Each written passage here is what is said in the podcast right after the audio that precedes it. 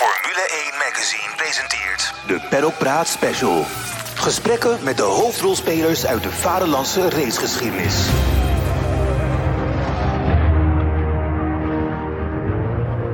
Hallo en fijn dat je luistert naar een nieuwe Paddock Praat Special. Waarin we dit keer een uitstapje maken van de Formule 1 naar de 24 uur van Le Mans.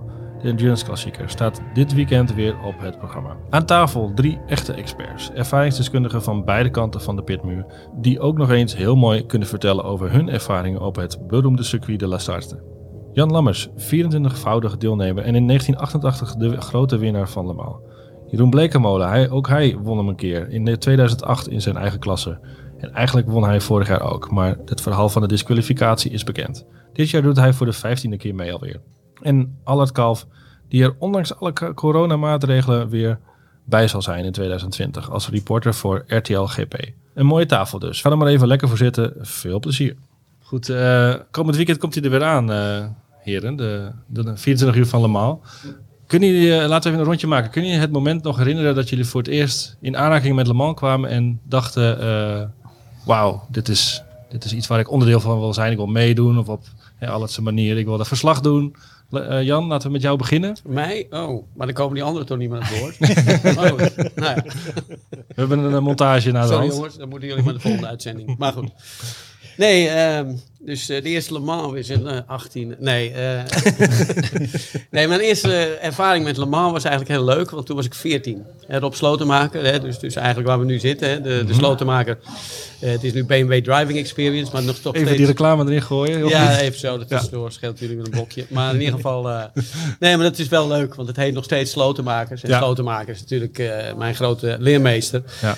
Gewoon de anti-slipschool. Maar Rob was wereldbekend ook wel als slip-expert. En die deed toen eh, voor Steve McQueen... deed die, zeg maar alle, eh, alle pirouetjes. Die, eh, eh, inmiddels kun je die op YouTube eh, zien. Hè, de 24 uur van Le Mans.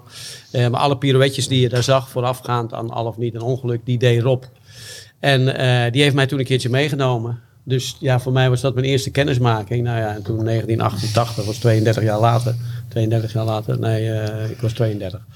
Maar eh, Jeroen, wat is dat? Nee, maar in ieder geval die... eh, eh, dus dus eh 18 jaar later, even snel in mijn hoofd, eh, win je dan zo'n race. Dus dat was geweldig terugdenken. En dan mis je Rob op zo'n moment natuurlijk. Hè, die was in 79 overleden. Dus ja, dat was mijn eerste kennismaking. En dan in eh, 1982 was het met de, de Canon Porsche. En dat was denk ik eenzelfde ervaring als, als wij allemaal gehad hebben. Als je voor de eerste keer die, Ja. Eh, die, dat rondje maakt. En dan zie je eigenlijk in het echt die beelden die je van de films kent. Hè, van die 917's en noem maar op. Ja, dat was heel mooi. Oké, Jeroen Blekemolen, je gaat eh, komend weekend ook zelf meedoen. Voor jou dezelfde vraag. Wat was jouw eerste, eerste keer dat je gegrepen werd door de magie? Ja, gek Mans? genoeg eh, was dat ook gewoon de eerste keer dat ik reed. Ja. Eh, Het was niet zo dat ik echt eh, met Le Mans bezig was. Maar ik zie altijd naar me dus. kijken. Ja, in één keer denk dus. ik... Nee, nou het was ja, het jaar, het jaar daarvoor. Het jaar daarvoor waren we Ja. in, eh in We een factchecker aan om te, tafel. proberen, eh. ja, om te proberen te rijden daar eigenlijk voor Ja. Spijker. Ik reed toen DTM voor Opel en ik mocht niet rijden. Anders had ik toen al eh, kunnen rijden.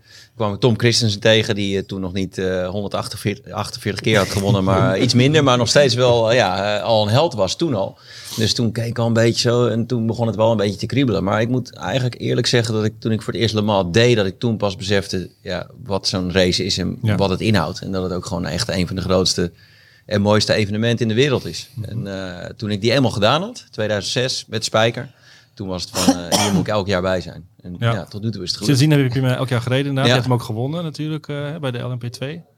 Ja, eh, ik zeg zelf altijd wel eens, dat was een beetje vals spelen, want we hadden een verschrikkelijk goede auto. Jan reed dat jaar ook in zo'n auto in de Europese Le Mans Series.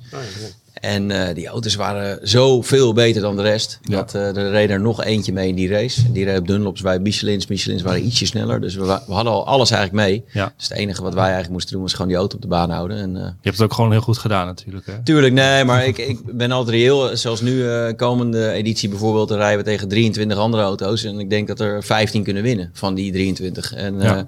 dan weet je gewoon dat elke tiende van een seconde telt. Op het moment dat je de pits uitrijdt, alles loopt mee, alles telt. En toen was het meer van heel houden. Eh, Hoewel die auto's niet stuk gingen, maar in ieder geval niet de splitter kapot rijden. Of eh, even in de grindbak komen te staan, dat soort dingen. En, en, nu is het Eigenlijk gewoon... een be- beetje zonde hè, dat die, dat die GT, eh, hij is niet onderbelicht, maar in verhouding tot de competitie die daar gaande is, En dus die LMP1, LMP2 is ook wel een stevige competitie. Maar die GT's is niet normaal. Hè. Daar rijden gewoon drie auto's binnen 100 meter gewoon bijna 24 uur. Ja, maar dat is Eh, dat de laatste twee jaar, waanzinnig. de laatste Ja. twee Ja, jaar is- is, ja, de, precies, is de ja. beslissing daar in het laatste half uur gevallen. En, en zelfs eh, in de amateurklasse, kijk, de pro-klasse heeft, eh, is, dat zijn natuurlijk alleen maar de professionals die, die niks aan elkaar toegeven. Dus die eindigen allemaal Ja. op elkaars bumper. Ja. Maar in onze klasse heb je dan eh, al die amateurs die natuurlijk wel iets meer verschillen van elkaar. Maar ook daar is de competitie inmiddels zo hoog dat je gewoon eh, ja, echt letterlijk elke seconde telt. Dus als jij een keer één foutje maakt, dan win je die race niet. Dus dat, de, de race is heel erg veranderd eh, ten opzichte van eh, ja, toen ik ermee begon. zin? Of, eh, Ja, ik, ja, ik denk dat alle sporten in de hele wereld met alles is, Tuurlijk, is alles alles veel competitiever en professioneler geworden. Maar ja, dit ook. En eh, eh, ik mis soms wel een beetje de oude tijden, want het was ook wel heel mooi dat je gewoon, eh, nou ja, eh, de verhalen van Jan, eh, hoe die eh, de Jaguar naar huis reed, dat zijn ook gewoon mooie verhalen, zeg maar. Omdat Op een gegeven moment gaan dingen stuk en dan moet je overleven. En dat heb ik ook nog meegemaakt, nog net eigenlijk. Dat je gewoon een auto echt naar huis moest zien te krijgen. En dat waren ook avonturen. En daar moest je ook goed in zijn. Dus het, eh, maar ja, eh, nu is het, is het ja, je gaat nu, je laat jezelf op en je moet gewoon echt, eh, hoe lang je daar ook gaat rijden, twee uur, tweeënhalf uur, dan moet je echt gewoon geen één steekje laten vallen. nee. Want dan is het klaar. Nee. Ja, ik, ik zat vorig jaar toen eh, met Jan Magnussen eh, te praten na, na een stint. Hij zegt, ze zijn helemaal gek geworden. Hij zegt, ik stap in, ik rij gewoon in de pitstraat en, en ze roepen, ja, push, push, push. hij zegt, jongens, ik raad de limiter, ik mag niet harder. Yes, but you have to push. En hij zegt, het is echt, hij zegt, het is gewoon 24 uur, alles tien en- tiende. en- Ja, en Jan die, die reed dan met de Corvette. Hè? Die- ja met de Corvette, ja. En dan ook echt... goed volgen. Maar, eh, maar weet je wat ook zo gek is? Wij hebben het nu over onze eerste ervaring in Le Mans. ik nog niet hoor. Maar, oh jij nog niet, ja. Die komt nog. Die nou komt ja, nog. je hebt het grote circuit toch wel eens gereden? Eén Nee. keer, ja. Oké. Oh ja, natuurlijk, ja, met Michiel, ja, campagne, ja. Maar, ehm, nee, maar het, het- tegenwoordig is het heel gek, hè, want die eerste keer is, is heel anders. Want, want voordat, eh, voordat je nu naar Le Mans gaat, voor de eerste keer, heb je zelf thuis op de simulator al gewoon duizend rondjes gedaan. Mhm. Dan moet je ook nog je rookie-test doen, hè, dat is dan in een andere, sinds een simulator waar je misselijk van wordt. En, en, eh, maar goed, dus je, je komt al op het circuit. En, en dan, dan heb je niet meer die beleving eh, die wij zeg maar de eerste keer hadden. Want dat Nee. is dan gewoon echt de eerste keer. Gewoon Dus voor dat- de leeuwen gegooid, wat Ja, je als het ware. Ja, dus je- die, ik moet zeggen, dat haalt een stukje van de magie toch wel weg. Ja, Het mooie is ja weer- vind ja. ik ook. Want Ja. Inderdaad, je, ik weet nog wel, ondanks dat ik dus voor mij was het niet zo van ik wil per se helemaal doen. Nou ja, ik wilde het wel, maar het was niet, het was niet mijn nummer één doel in mijn leven. Maar toen ik daar eenmaal die baan op reed, toen in één keer, ja, dan. Dat is ook helemaal, ja, dat hoort bij die beleving, denk ik. Maar toen, eh, ja, toen wist ik gewoon, dit wil ik elk jaar. Dit Ja. is gewoon fantastisch. Pedalpraat. Goed, we waren aan een rondje begonnen. Laten we nog even het rondje afmaken met eh Allard. Jouw eerste Ja, mijn eerste... Le Mans, mijn- eh, ja. kennismaking. Kijk, Le Mans was toen ik klein was natuurlijk ver van mijn bedshow. En, eh, maar dat kwam ook omdat dat, ja, dat was in juni en dat was in, eh, in Le Mans en dat was ver weg en er was geen tv. En totdat, totdat eigenlijk eh, twee dingen. A, won Gijs Le Mans twee keer en dat, dat was prima, want Gijs was zo'n ja, Gijs van Formule Lennep, 1 Gijs voor van Lennep, zo'n ja. Formule 1 coureur die Le Mans gewonnen had. Totdat je zag wat voor een auto die eh, Le Mans in gewonnen had. Toen werd hij meteen eh, een held. Stond hij meteen in de top drie van, eh, van helden, zeg maar. En, en wat ik me nog, het, als de dag van gisteren, ik zal Jan, zijn, zijn, zijn escapades in 82, in de eerste ronde zal ik even de revue, die, die, die gaan voorbij. Maar wat ik me, in 88 race ik voor Jan. Reden Opel Lotus. Met, samen met Frans Veurens in, eh, in eh, Opel Dealer Team Holland. En de baas van Opel Dealer Team Holland was Ger Oosterman. Nou, Ger Oosterman die, de, dat, eh, dat is, die heeft ook een rijke racehistorie achter de schermen. En, en toen moesten we op zondagmiddag van Le Mans moesten we bij Ger in Hilversum in de tuin champagne komen drinken. Want Jan had Le Mans gewonnen. En, en toen begon het bij mij eigenlijk voor het eerste dagen wat van grootste prestatie dat was. En toen dacht ik, ja, daar moet ik nog een keer heen. En toen twee jaar later stond ik op Le Mans eh, commentaar te geven voor destijds Sportnet. En toen eh, daar hadden we boven op de tribune, die oude tribune, die, die, die, waarvan je hoopte dat die niet instortte, maar helemaal boven. En dan keken ze op die oude pits nog. En dan zag je dat, eh, dat, dat, ja, dat hele pandemonium daar beneden met, met, met, met de trainingen. En, en, en ja, daar was geen doorkomen aan. Dat alsof je met een auto door de Kalverstraat reed op zondagmiddag. Zoveel mensen liepen daar. Ja, en toen dacht ik, ja, dit is wel echt, echt gaaf. Ja. En, en, en toen hè, eh, verplicht is natuurlijk op de scooter stappen. En dan s'nachts eh de Hunaudière af, lekker door dat bos. En dan hoor je die auto's en je ziet die lampen. En ja, dan, dan, dan- en, het, en het wordt eigenlijk alleen maar mooier. Want dat was de eer. Hè, en, en, en, en, en daarna nog zelf een keer mogen rijden daar. Hopelijk volgend jaar weer als corona een beetje meewerkt. Ja, dan, dan, dan, dat wordt alleen, ieder jaar wordt mooier op Le Mans. Ja. Nee, ik moet zo, want Jeroen, dat weet ik nog zo goed. We gingen daarheen en we zaten bij, eh, bij Spijker in de, in de, met Victor Muller, die dan hè, weer heel enthousiast aan het vertellen was. En, en, en, en volgens mij had hij, was hij ook nog boos, want hij mocht geen luchtballon eh, eh, over, het, ja, over, over de startgrid laten gaan. En, eh, hè, en er zaten 300.000 eyeballs die allemaal een Spijker gingen kopen op maandag. Dus was, de, het enthousiasme spatte daar vanaf. ja. En, en, en toen liepen we door, door, de, door de pits en Jeroen zegt zo heel droog, hier moeten we volgend jaar rijden. en dat was, hè, en dat- ja, dat doet het met je. En Ja. dat is, het- en, en wat persoonlijk, voor mij is het ieder jaar de grote reunie. Want er zijn dus heel veel mensen die, die eh, als monteur werken of als teammanager of engineer, die je vaak eigenlijk het hele jaar niet ziet. En op Le Mans komt iedereen weer ineens eh, naar dat circuit Ja. toe. En, en, en, en dan mensen die eh, ook E1 gedaan hebben met, eh, met, met, met Jeroen en Jan. Of, of nog een jongen die, die mijn Formule Forte onderhield. Die, die, die werkt nu daar nog steeds aan een, aan een LMP2-auto. En ja, dus het is ook een beetje de grote reunie eh, die eerste dag. Het blijft die aantrekkingskracht houden voor Ja. eh, mensen die er veel zijn geweest. Eh, Ja, en, en ik denk ook men dat... blijft terugkomen. Het, is, hè, het wordt wel wat minder. Hè. Je hebt nu die, die, die, die maximale eh, stinttijden of het aantal ronden wat je mag rijden en zo. Dus je, hè, die, die romantiek is een beetje weg. Maar het is nog wel meer, vind ik, een, een race dan een Formule 1 Grand Prix. Want het is, het- gewoon, het is gewoon 24 uur gas geven. Pedalpraat. Ik weet niet of het nodig was, maar ik heb even eh, de oude en de nieuwe versie uitgeprint. En mijn vraag was aan jullie of je ons eh, en de luisteraar eh eens mee zou kunnen nemen uit een rondje Le Mans. Dan beginnen we natuurlijk op start-finish. Het oude is zeker zonder chicanes. Ah ja, Ja, dit, is stuk, dit ja. is stuk nog zelfs met, met eh, zonder eh, Porsche bochten. En eh, eh, in de tijd dat Gijs, eh, hè, de, eind jaren 60, Ja. was het natuurlijk helemaal Ja, levensgevaarlijk. dat, want- is, dat is het oude zoals jij het hier hebt. Ja, dat is nog met uh, Maison Blanc en White, Ja. ja. White House. White House, Eh, ja.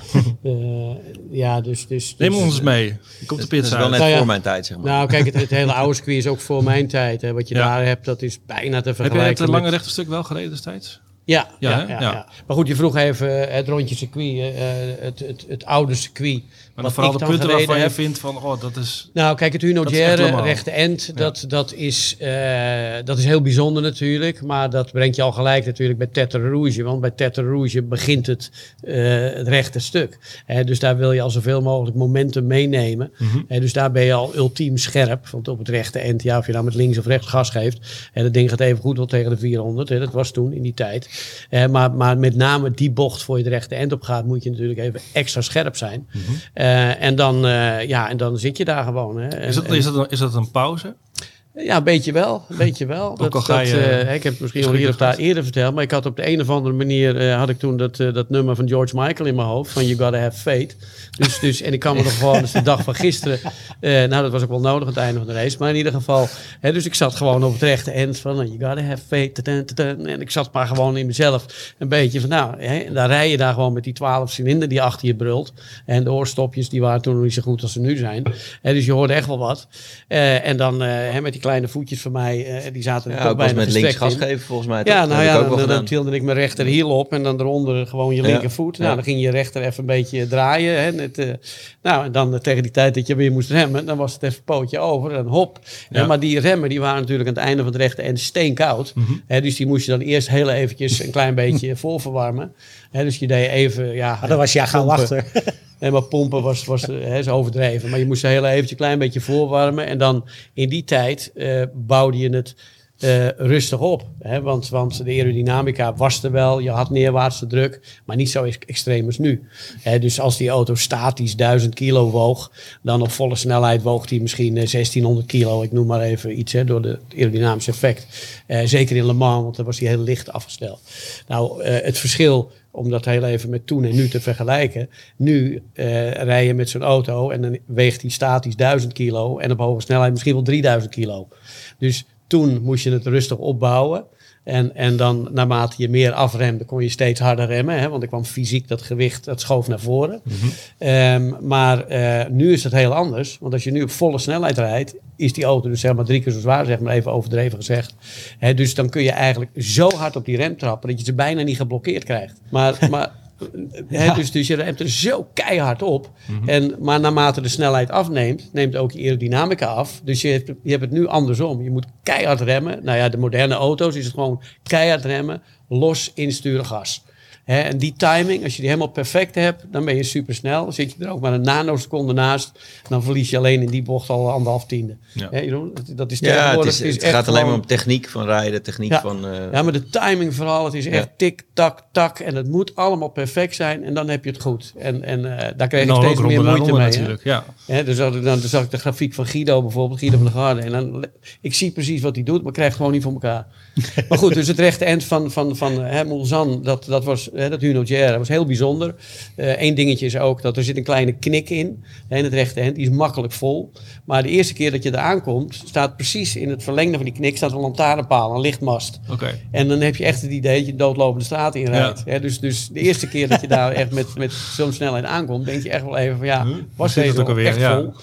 Hè, dus dat, dat was even een dingetje. Nou, dan Mulsanne is dat, eh, ja, daar sta je bijna stil hè, voor je gevoel. Je rijdt daar misschien 70, 80 kilometer doorheen.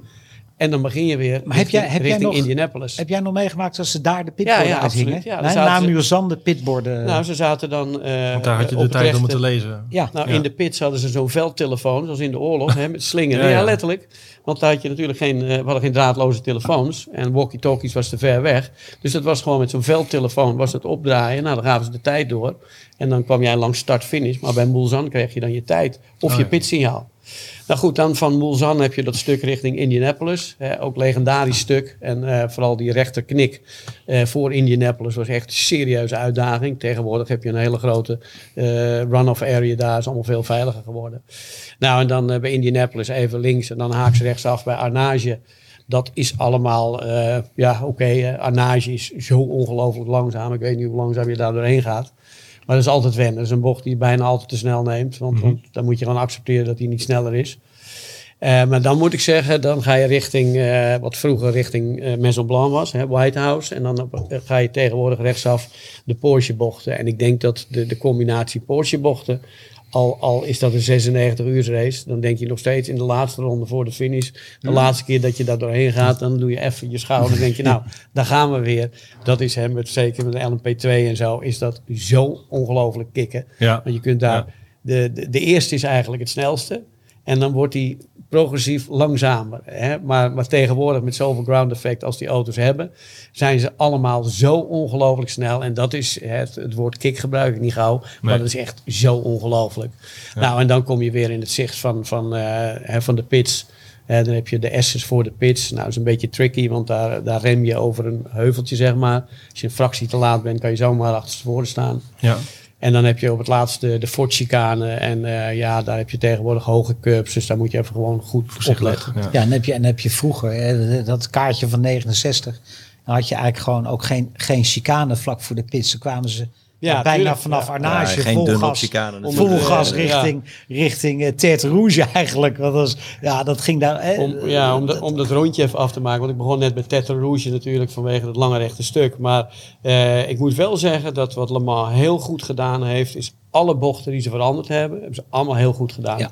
Hè, want je hebt Er dan is die- niks aan, aan karakter verloren gegaan. eh. Nee, nee, maar gewoon qua uitdaging om te Ja. rijden en noem maar op, is echt geweldig. Want die Ja. chicane, hè, de Dunlop chicane, zeg maar, eh, voor de, eh, voor de Dunlopbrug, hè, die, die is heel apart. Mhm. Hè, dat, dat, bij het uitaccelereren wordt de auto een beetje licht, kan je heel makkelijk de fout ingaan. ja, en maar dan- met rem al, eh, dat is een beetje Ja, hè, precies. Je onder moet in een en- bocht remmen, dat is heel tricky. En dan krijg je dus die, die S's. En dat is denk ik ook wel misschien wel het meest legendarische stukje eh, van Le Mans. Hè, dat is waar je gewoon onder de Dunlopbrug doorgaat en dan ga je naar beneden. En die links-rechts S's. Ik denk dat dat wel gewoon eigenlijk de meest ondergewaardeerde bocht is van Le Mans. Daar hoor je mensen niet zoveel om Mhm. over. Maar dat is een stukje waar heel veel mensen gesneuveld zijn. Ja. Hè, want bij het uitkomen kan je daar jezelf nog eens tegenkomen.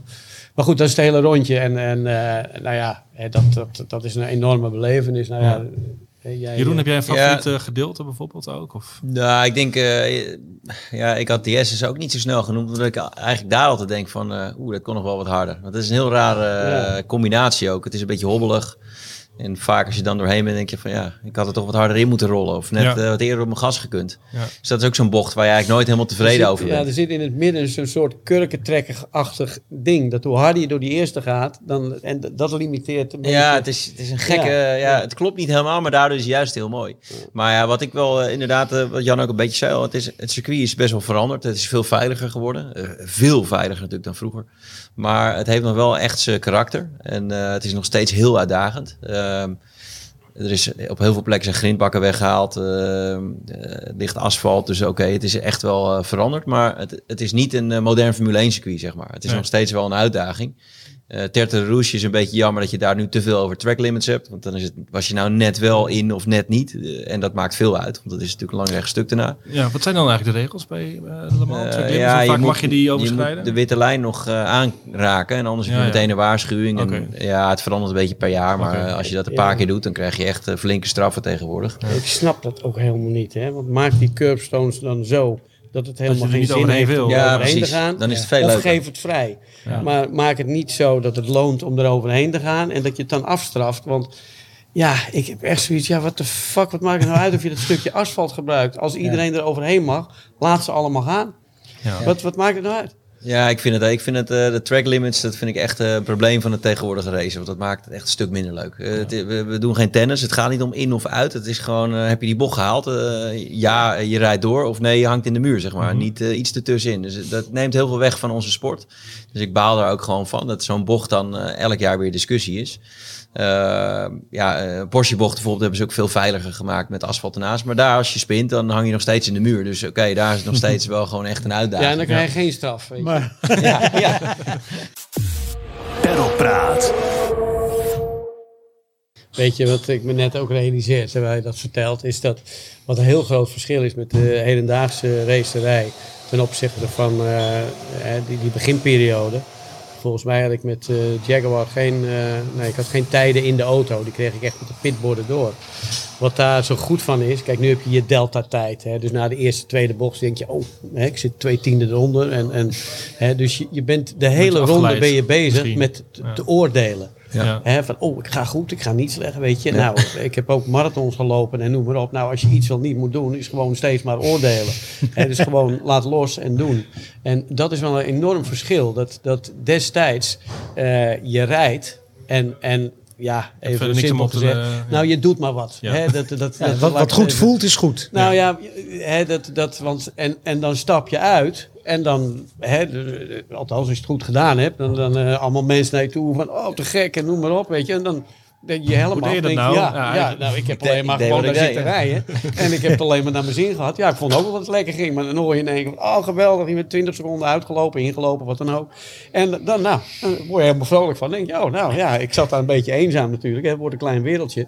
Maar nu, je hebt natuurlijk radiocommunicatie en, en je ziet gewoon alles. Hè. Je hebt eigenlijk in verhouding om het plezier optimaal te maken, heb je eigenlijk iets te veel informatie.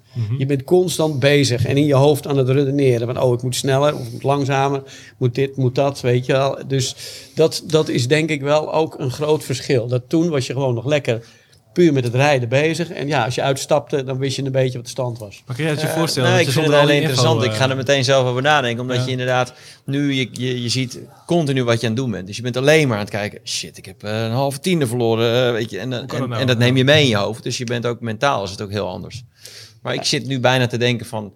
Moet ik niet eens proberen gewoon om eens een rondje of vijf in zo'n stint gewoon helemaal niet te kijken. Gewoon alleen maar gewoon aan het rijden Wat te kan jij nu allemaal zien? Kan je de bandentemperatuur bijvoorbeeld ook zien? Eh, de, de- ja, de temperatuur zien we niet, maar de, de banden drukken, wat heel veel uitmaakt. Want soms eh, dan gaat zo, loopt dat een tiende op en in één keer heb je geen grip meer. En zeker Ja. op Le Mans, dat is een hele rare baan, ook door de lange rechte stukken met temperatuur. En een band moet precies in het goede zeg maar, window zijn, moet precies, ja, dan werkt die in één keer.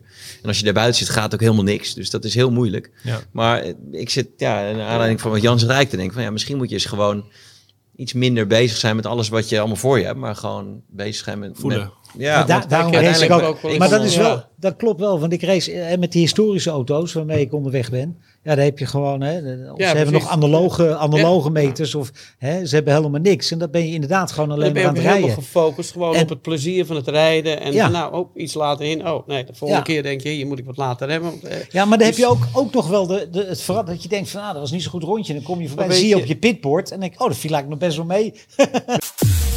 Perlpraat. Le Mans duurt natuurlijk eh 24 uur. En wat ik eh, wel wilde weten is, hebben jullie ook een favoriet dagdeel? En in hoeverre verschilt het s'nachts van overdag? nou, ik dacht meestal om een uurtje vier s'nachts van nou, ik ben er echt wel klaar mee. Ja. nou. Ja. Weet je wel, ik, eh, ik ga nou wat anders doen. Geef mij en dan de volgende dag eh, denk je, nou, toch weer gedaan. Ja, ja ik, vind, ik heb altijd wel een beetje een haat-liefde verhouding met s'nachts rijden. Want eh, dat is wel... ja, en ze maken je wakker als, je, als het gelukt is om in slaap te vallen. Dan denk je van, ja, eh, zoek het uit met je autorace. Ja. Ik, eh, ik slaap lekker verder op het Ja. eerste moment. Maar goed, als je helemaal met je helm op staat, dan word je wel weer wakker. Maar ja, ik weet niet. Het is eh, een stuk gevaarlijker natuurlijk. Ja. Eh, Zondagochtend is wel leuk, hè? ja, ik, ik vind altijd heel fijn als de zon opkomt. Want dan heb je die nacht gehad. Dan, eh, dan heb je, ja, dan, dan, je dan zie je van. toch, ja, dan zie je toch bij. Ja, ze zeggen altijd dan gaan mensen de fout in juist. Wat ik eh, eigenlijk heel gek vind. Het schijnt ook veel te gebeuren. Volgens mij Dan gebeuren het het. snelste.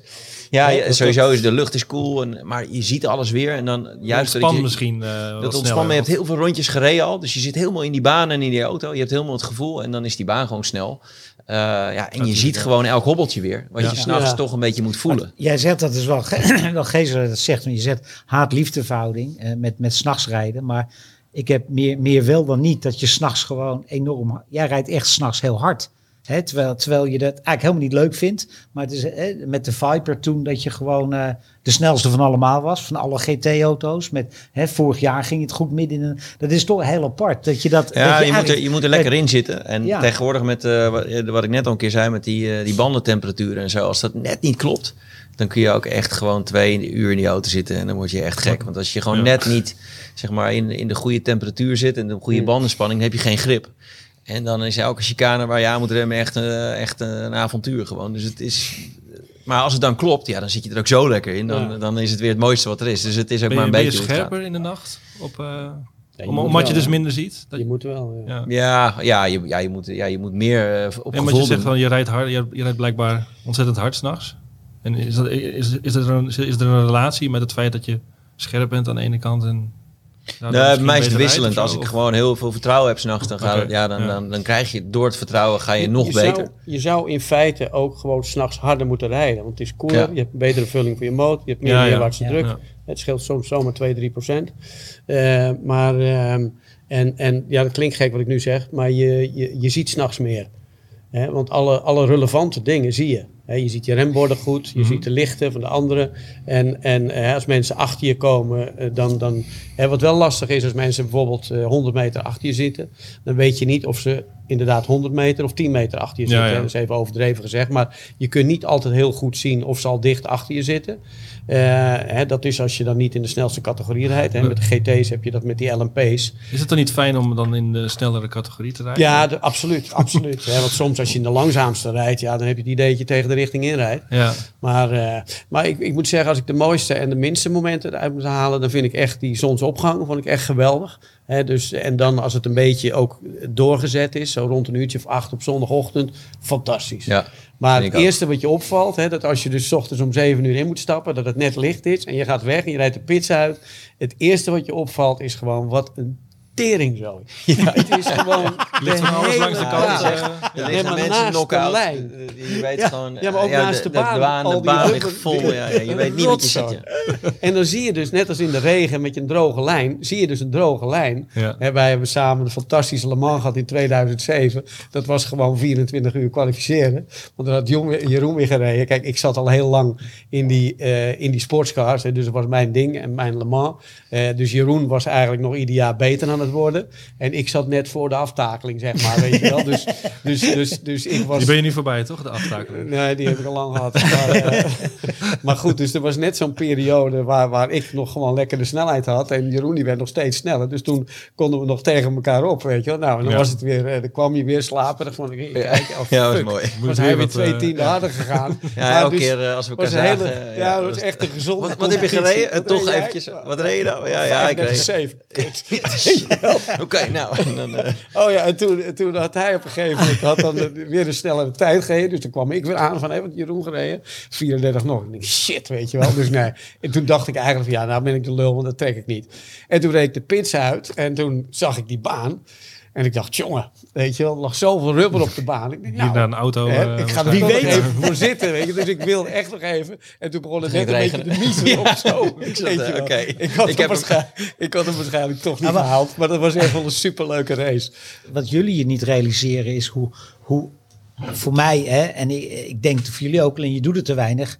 Het is zo gaaf om, om als je de avondtraining hebt, of de, de, de donkere training, om dan, hè, dan mag ik naar de Porsche-bocht. Want dat is ook zo lekker bij Le Mans. Je kan gewoon langs de baan lopen. Je gaat de hesje halen.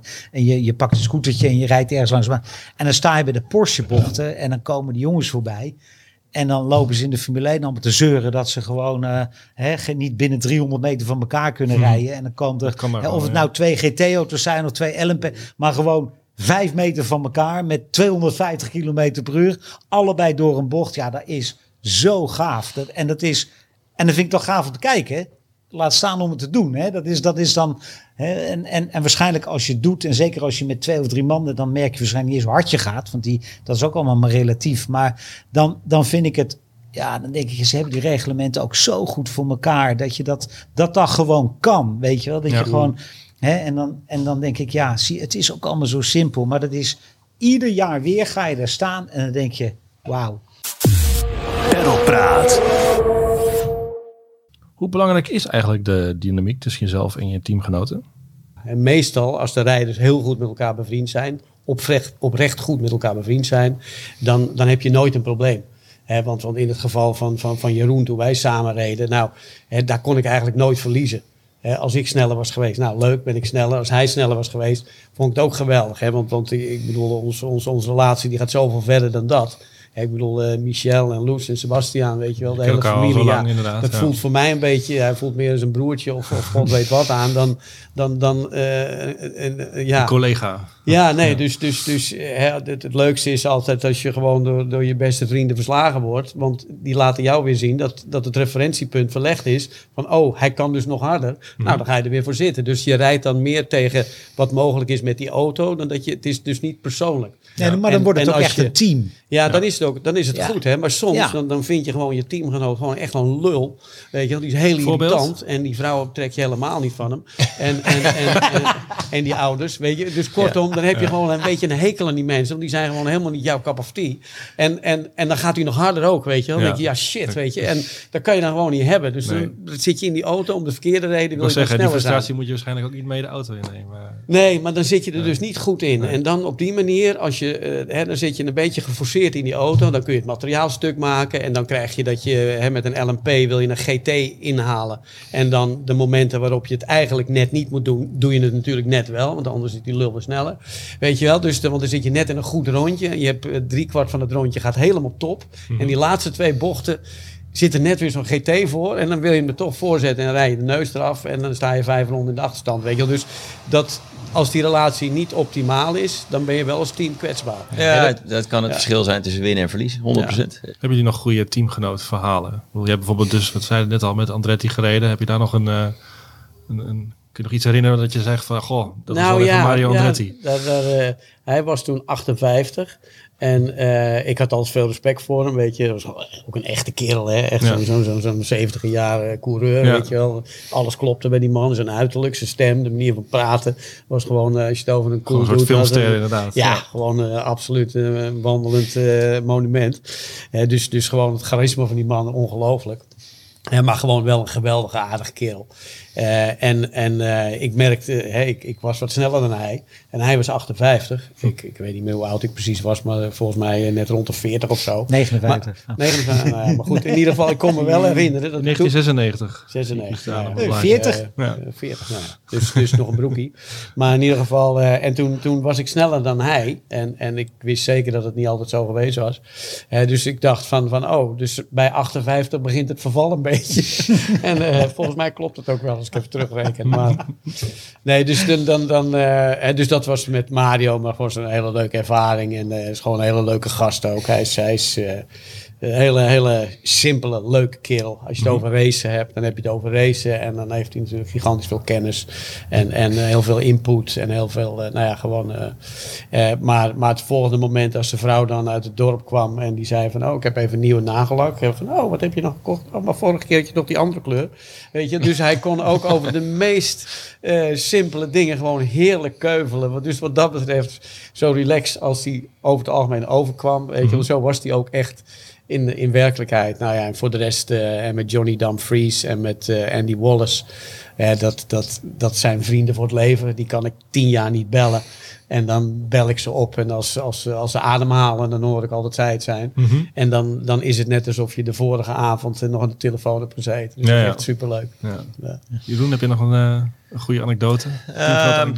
Ja, nou, ik heb, ik, eh, ja nou, als je Le Mans hebt gedaan, dan heb je altijd anekdotes Ook ja, met, dan kom met je wel een paar teamgenoten. terug. Ja. Eh, ja, we hebben natuurlijk al onderling wat, wat verhalen uitgewisseld. Je, je maakt de meest gekke dingen mee, maar... De eh, meeste kan je niet vertellen eigenlijk. Jawel, dat Nee, is, dat is dat is het- een van de leukste dingen. Een van de, er waren twee, twee dingen die, altijd, die me altijd Ik zal even bijblijven. de record uitzetten. Nee. Nee, twee dingen die me altijd bijblijven met, met Jeroen. Dus, eh, reed bij Spijker reed hij een jaar. En toen eh, was het Donny Krevels, die, was, die reed daar ook.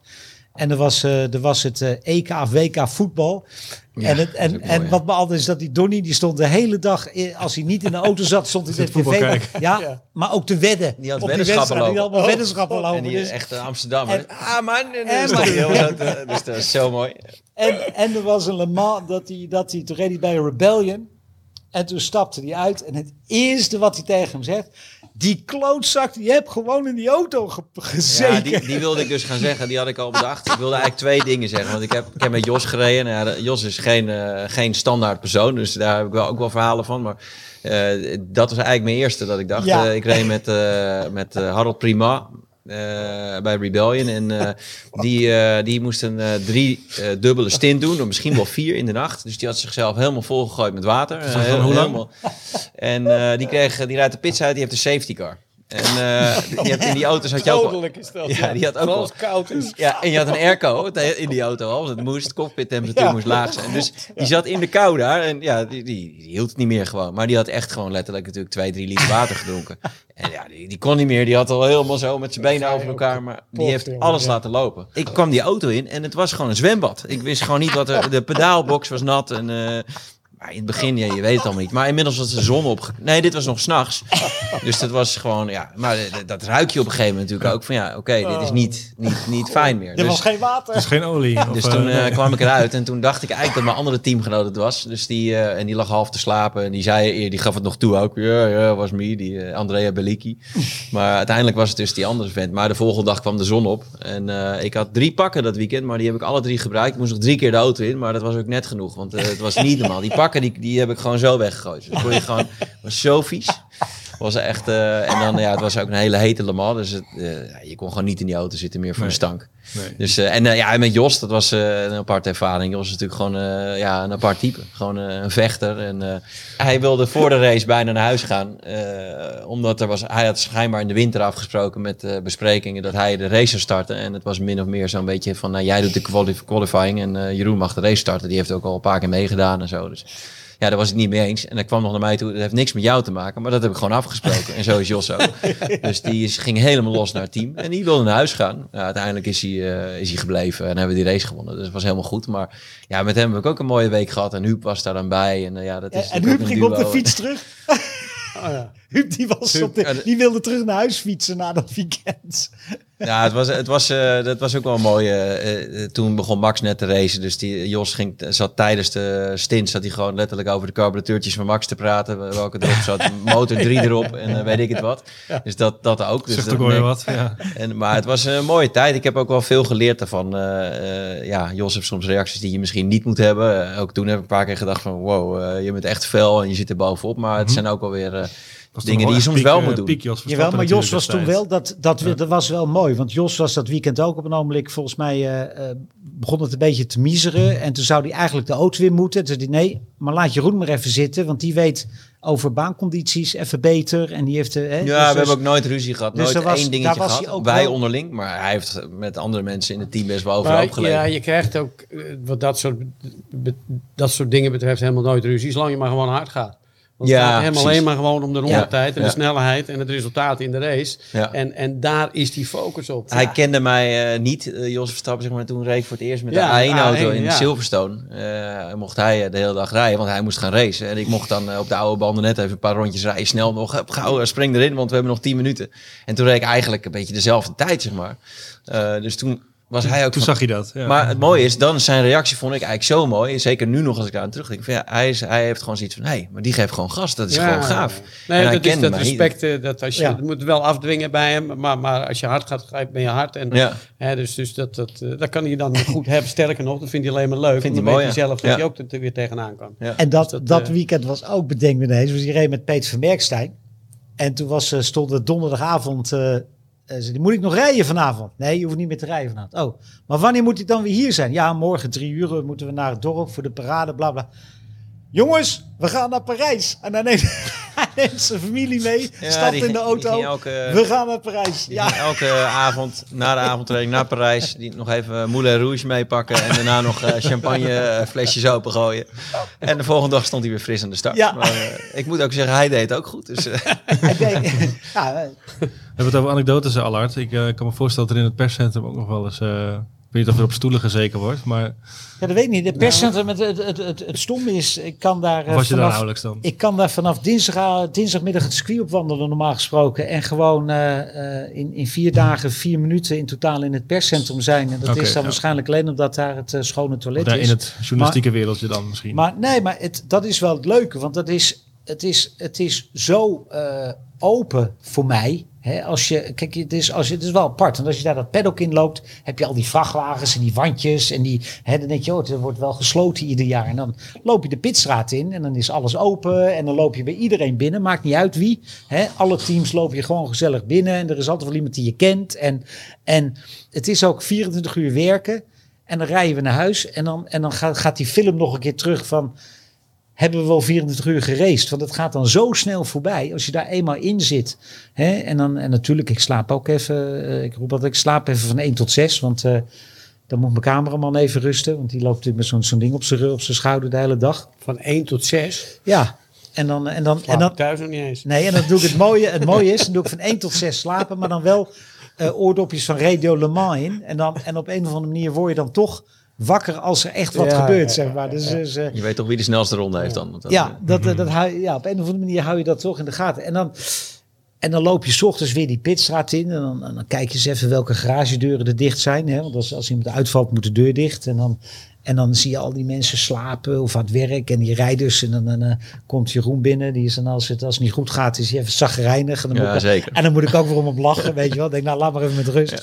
Kom straks wel. En dan, en dan, en dan, en dan eh, maar, maar vorig jaar ook. Want dat is, hè, voor mij is dat Le Mans. Eh, zij winnen vorig jaar Le Mans. En ik sta eh, in de laatste ronde met mijn cameraman achter eh, bij, bij, bij Bill Riley, bij Ben Keating. Bij, eh, jij zat in de auto, bij Felipe. En al die mensen. En ik sta gewoon in hun zenuwcentrum. Met de camera. Met, en, kan. van, ja. en dat kan gewoon. En, en een jaar daarvoor stond ik bij Porsche. En eh, sta je ook gewoon binnen en midden in de feestvreugde. Mooi, en, ja. en ja, dat is voor mij. Kijk, dat gaat dit jaar niet, want je moet er twee meter afstand houden. Dus dat wordt even lastig. Maar, hè, en, en er komt geen publiek de baan op rennen na de race. Maar dat is voor mij wel wat ook de charme is van Le Mans. Hè? Ja. Dat je gewoon overal echt helemaal midden tussen staat. Ik bedoel, welke race sta je nou? Sta je aan de pitmuur? Gewoon verslag te doen van een race die aan de gang is. Ja. En dan mag je ook gewoon staan. Je hoeft het niet eens stiekem te doen.